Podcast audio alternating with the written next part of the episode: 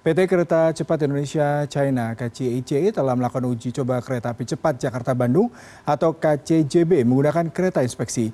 Hasil uji coba menunjukkan bahwa kereta inspeksi kcjb mampu menembus kecepatan hingga tiga ratus km per jam.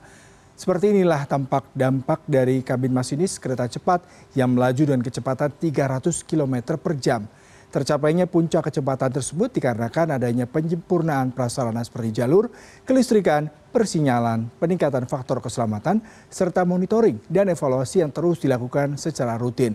Kcic bersama kementerian perhubungan juga terus mempersiapkan sertifikasi sebagai tanda kcjb dioperasikan dengan aman dan sesuai regulasi yang ditetapkan. Selain dari sisi operasional kcic juga terus melakukan persiapan di bidang sdm